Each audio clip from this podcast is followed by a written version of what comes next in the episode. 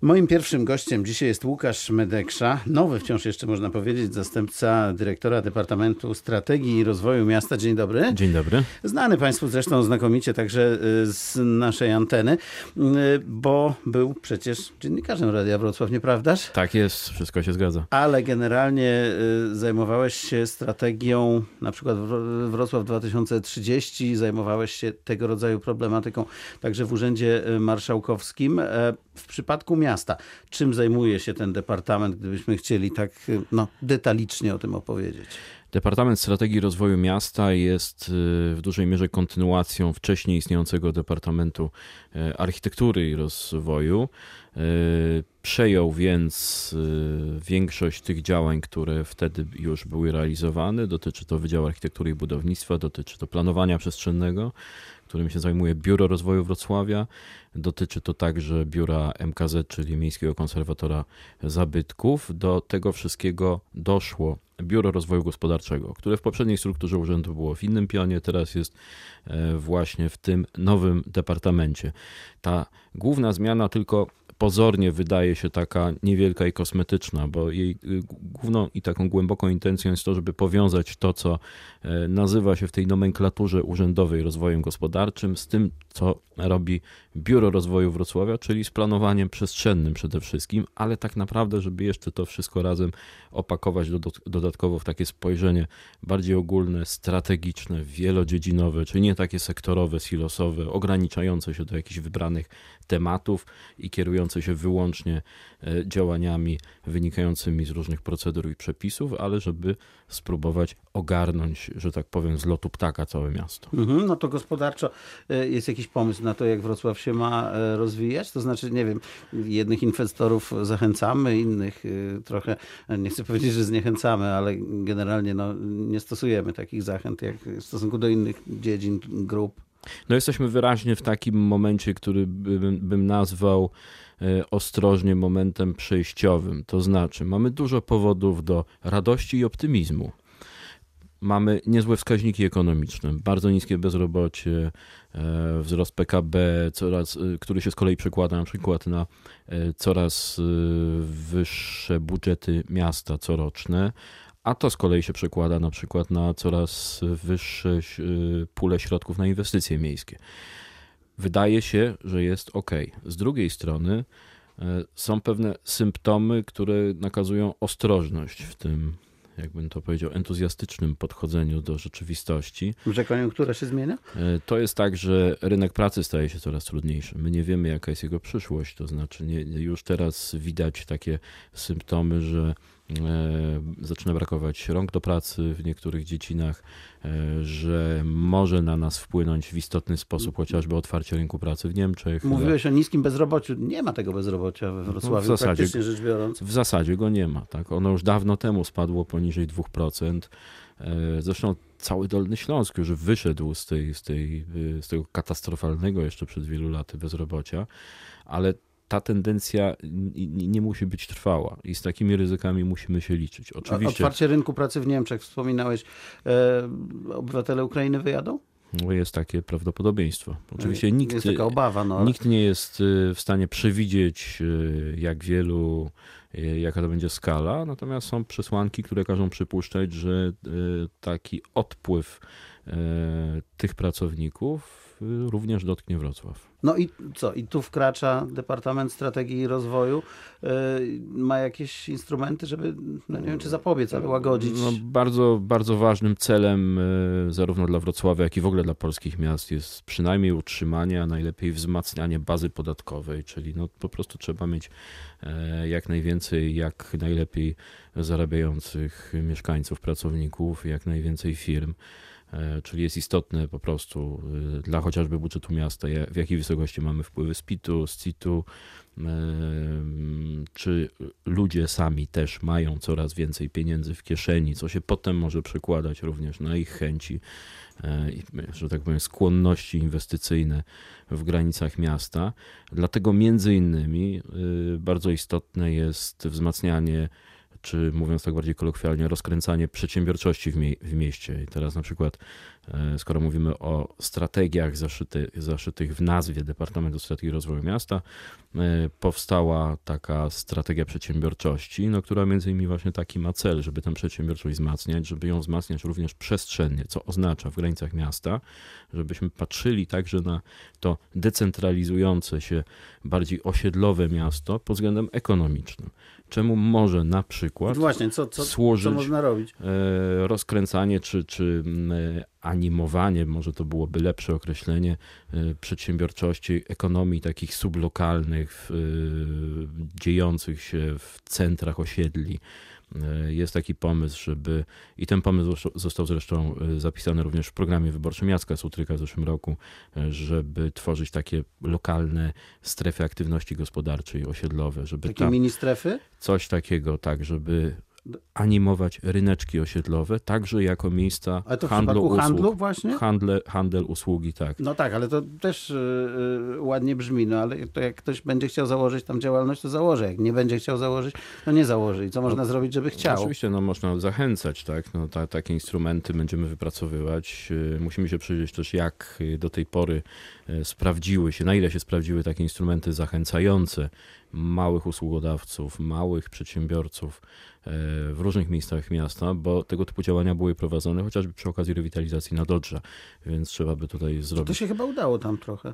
Tak. Przynajmniej, prawda? Tak. Udało się ożywić e, niektóre szlaki, niektóre miejsca na Nadodrzu, wypełnić je właśnie takimi e, dotąd tam nieobecnymi aktywnościami, troszeczkę wzmocnić, wzmocnić na przykład rzemiosło lokalne, więc tego typu inspiracji będziemy szukać. Jakieś ulgi dla tych przedsiębiorców? Zapewne czy... tak, ale to jeszcze przed nami. Tak, Aha, musimy się znaczy... przyjrzeć tym, jakie instrumenty mamy, które z nich już były wykorzystywane, z jakim efektem. A czy chcemy jeszcze jakichś nowych, takich y, dużych inwestorów we Wrocławiu? Potrzebne nam to? Na pewno. Bo, tak, bo, no, ale kto tam będzie pracował? nie ma pracowników, to, to, to, są, to będzie trudne. oczywiście, to są, y, y, ten kij ma dwa końce, tak? dlatego że z jednej strony, żeby utrzymać odpowiedni poziom ekonomii, żeby utrzymać także w miarę możliwości wzrost zarobków ludzi, no to potrzeba nam jak najlepszych jakościowo inwestycji pracodawców. Czyli bardzo, bardzo tutaj inspirujące są takie trendy, które wprowadzają nowe technologie do przemysłu typu przemysł 4.0 i tym podobne tematy. Z drugiej strony kolejne ryzyko związane z cyfryzacją pracy. To jest czynnik, który również e, może w coraz większym stopniu zacząć dotykać Wrocław. Czyli przestaniemy potrzebować pracowników we Wrocławiu, bo będą mogli pracować gdziekolwiek. I będą mogli nie tyle, że pracować gdziekolwiek, co być może wielu pracowników zaczną zastępować roboty. To też. Mówiąc tak najbardziej brutalnie. E, I też musimy tego typu ryzyka y, obserwować i umieć się do nich jakoś ustawić pozytywnie. A y, czy chcemy tutaj ściągać y, produkcję również, jakiś przemysł, czy my już nastawiamy się wyłącznie na te e, właśnie czyste e, takie miejsca pracy, e, w których pracuje się umysłem?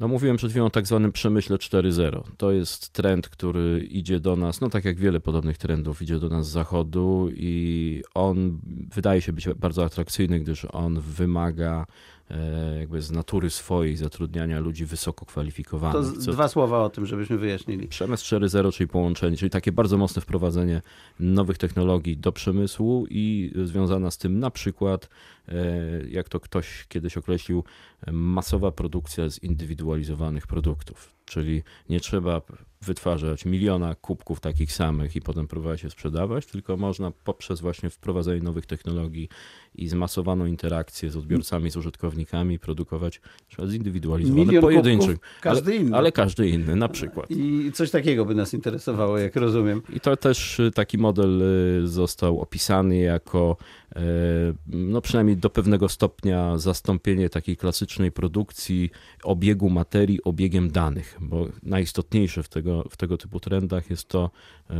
że E, o produkcji decydują dane. To co, to, co się wprowadzi do systemu i co potem warunkuje ten końcowy produkt. Łukasz Medeksza, zastępca dyrektora Departamentu Strategii i Rozwoju. Za chwilę wrócimy do rozmowy. Moim gościem, przypomnę, jest Łukasz Medeksza, zastępca dyrektora Departamentu Strategii i Rozwoju Miasta we Wrocławiu, rzecz jasna. E, kontynuujemy rozmowę o rozwoju, do spraw gospodarczych jeszcze chciałem na moment wrócić, bo fantastyczne rzeczy dzieją się we Wrocławiu w kwestii firm, które zajmują się biotechnologią i e, tych startupów, które rzeczywiście innowacyjne rzeczy e, wprowadzają. E, przypomnę z programu Bez Wad, Państwo znają producentów kosmicznego złomu, chciałem powiedzieć, przepraszam bardzo. Oby nie. Oby nie, rzeczy, które polecą w kosmos za chwilę. No naprawdę ludzie robią tutaj rzeczy niezwykłe. Czy jest jeszcze potrzeba co za tym idzie, metoda jakaś, żeby wzmocnić ten trend. Oczywiście, no ta, przynajmniej taką mamy nadzieję, że, że dalsze wzmacnianie trendu jest nie tylko sensowne, ale po prostu przełoży się na to, co się będzie działo we Wrocławiu i na naszą pozycję.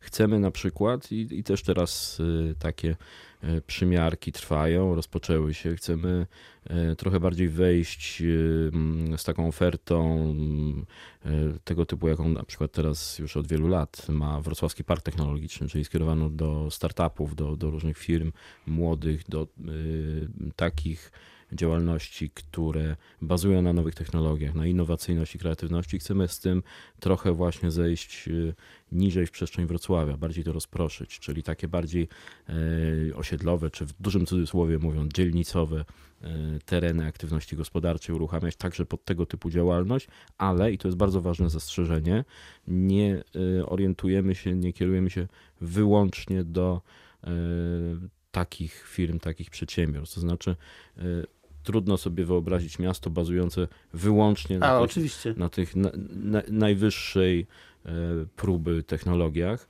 e, bo przecież mikro, małe, średnie przedsiębiorstwa e, działają w bardzo różnych branżach, także bardzo tradycyjnych, bo, bo taki jest rynek, takie, takie jest zapotrzebowanie, tego chcą ludzie i dla nich też będą otwarte tego typu miejsca. To jeśli chodzi o gospodarkę. Teraz samo miasto, bo jak wspominałeś wcześniej, również urbanistyka i wszystko, co się e, wiąże właśnie z architekturą, systemem funkcjonowania miasta, także jest w obrębie zainteresowań tego e, departamentu, bo rozwój to co to znaczy? Czy my chcemy tutaj tworzyć e, metropolię, system na miarę, nie wiem, Paryża, Londynu? Oczywiście przy zachowaniu proporcji. Chcemy tego rozwoju liczbowego także. Więcej mieszkańców, te... więcej domów, wszystkiego więcej. Na temat rozwoju oczywiście od dziesiątków lat już pęcznieje ogromna literatura, której głównym bohaterem jest samo pojęcie rozwoju, to jak właściwie no ten właśnie. rozwój rozumieć. Na ten temat są e, przeróżne szkoły, przeróżne poglądy. Do niedawna, przynajmniej w Polsce, y, było bardzo przyjęte utożsamienie rozwoju z takim, powiedziałbym, prostym wzrostem ekonomicznym, mhm. mierzonym jako wzrost PKB po prostu. Po prostu.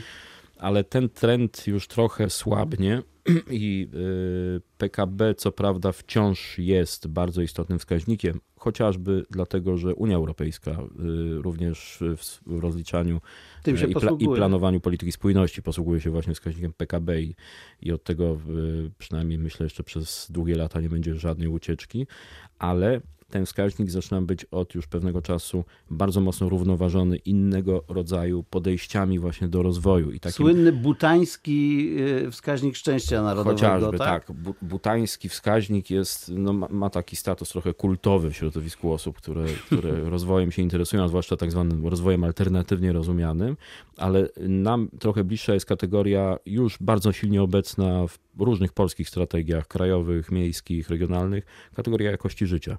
I ta jakości życia mieszkańców. Mierzalna? Bo to, jest, bo bardzo, to jest bardzo ważne, czyli chodzi o to, żeby z tym właśnie tak zwanym rozwojem, także ze wzrostem ekonomicznym, dotrzeć do pojedynczego mieszkańca, żeby to nie, była, nie był jakiś wskaźnik obejmujący całość na przykład jakiegoś milionowego ośrodka miejskiego, tylko żeby widać było, że ten rozwój, ta lepsza jakość życia jest na dole. Mierzalność jakości życia, no to kolejna wielka, Kolejna literatura. tak? Wielka literatura, no bo pytanie jest, co to znaczy jakość życia.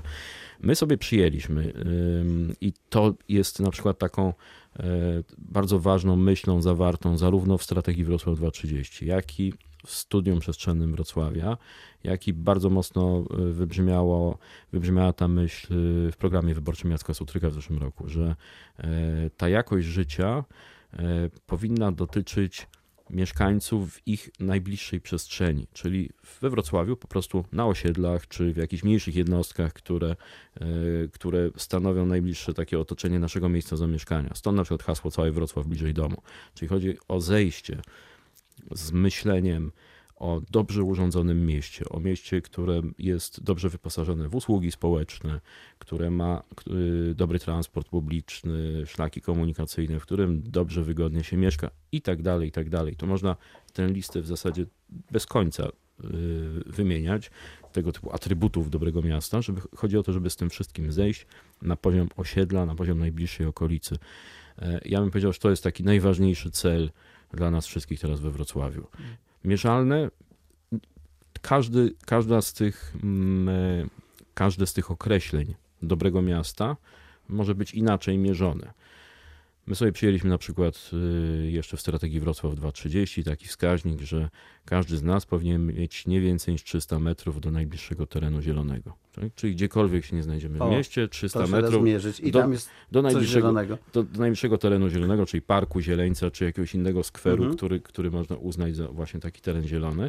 E, I, I to jest przykład właśnie zmierzenia jednego z wielu takich mniejszych wskaźników składających się na większą myśl o jakości życia, o rosnącej jakości życia mieszkańców we Wrocławiu. Mamy wyzwania demograficzne, to już też znana sprawa w całej Europie, w całej Polsce, pewnie we Wrocławiu również, czyli nie spodziewamy się tego, że za ileś tam lat Wrocław będzie metropolią milionową, tylko raczej spodziewamy się tego, że półmilionową e, bardziej chyba niż e, e, w górę, to będzie się w dół zmieniał ten, ta liczba mieszkańców.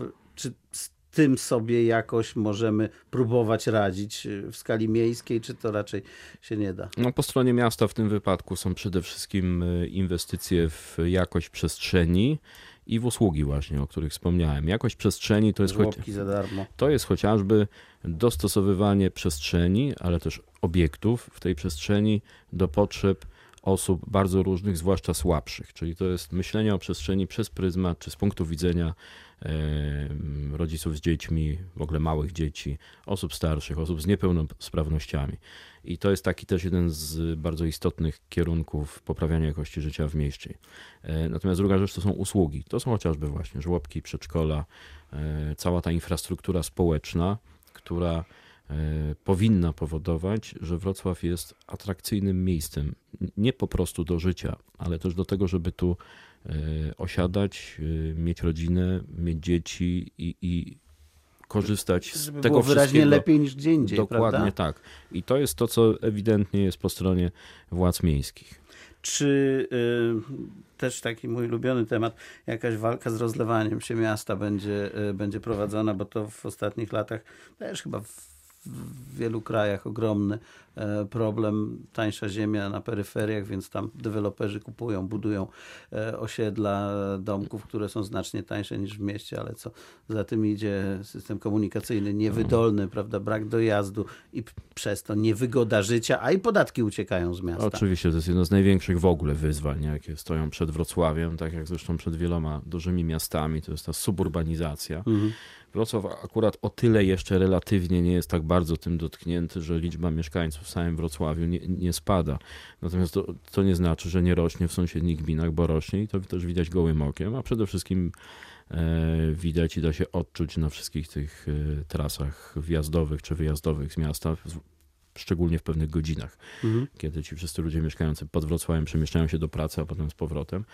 E, I to jest ogromne wyzwanie, wyzwanie, które, żeby tak długofalowo, sensownie do niego podejść, wymaga nie tylko inwestycji, na przykład w transport publiczny w wymiarze aglomeracyjnym, mhm. a to też jest taki jedno z podstawowych narzędzi, żeby e, z tego typu problemami się e, zmierzyć, ale też po prostu zapisów ustawowych. Dlatego my, Czyli nie po waszej stronie. My jako Wrocław no, bezpośrednio nie, ale pośrednio trochę tak. Znaczy my, my jako Wrocław bardzo będziemy namawiać y, y, władze krajowe do tego, żeby wreszcie przyjąć jakieś przepisy dotyczące obszarów miejskich szerszych niż tylko miasta, czyli obszarów metropolitalnych lub jak to woli aglomeracji. Jedna taka ustawa w Polsce została przyjęta niedawno.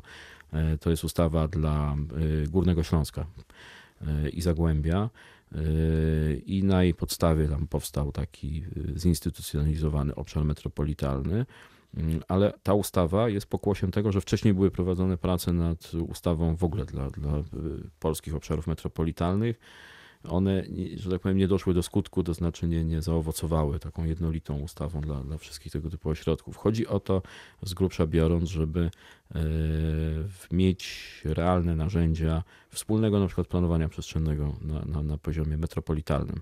Do tego, żeby. Czyli nie każda gmina sobie, tak? Tak, żeby to bardziej wszystko zintegrować, uspójnić, e, żeby naprawdę móc e, na podstawie przepisów ustalać, dogadywać się co do tego, w jaki sposób e, gminy otaczające Wrocław oraz sam Wrocław wspólnie planują swoją przyszłość. Decydować będzie oczywiście Wrocław. No, no nie, niekoniecznie. właśnie o to chodzi, bo no. tutaj to porozumienie będzie trudne być może. No to znaczy, gminy mogą nie chcieć się zgodzić na to, żeby Wrocław dyktował jakieś rozwiązania oczywiście, w imię rozwoju za, miasta. Zawsze są takie ryzyka, natomiast oczywiście grunt to w ogóle rozmawiać ze sobą. Tak? Od tego trzeba zacząć, a na pewno i myślę, że e, taka, taka deklaracja też powinna paść. Nikt nie zamierza z pozycji siły tego, tego tutaj forsować. Bardzo dobrze. Wobec tego spotkamy się może za rok i zobaczymy, co zostało zrealizowane. Bardzo dziękuję. Łukasz Medeksza, dziękuję. zastępca dyrektora Departamentu Strategii i Rozwoju Wrocławia.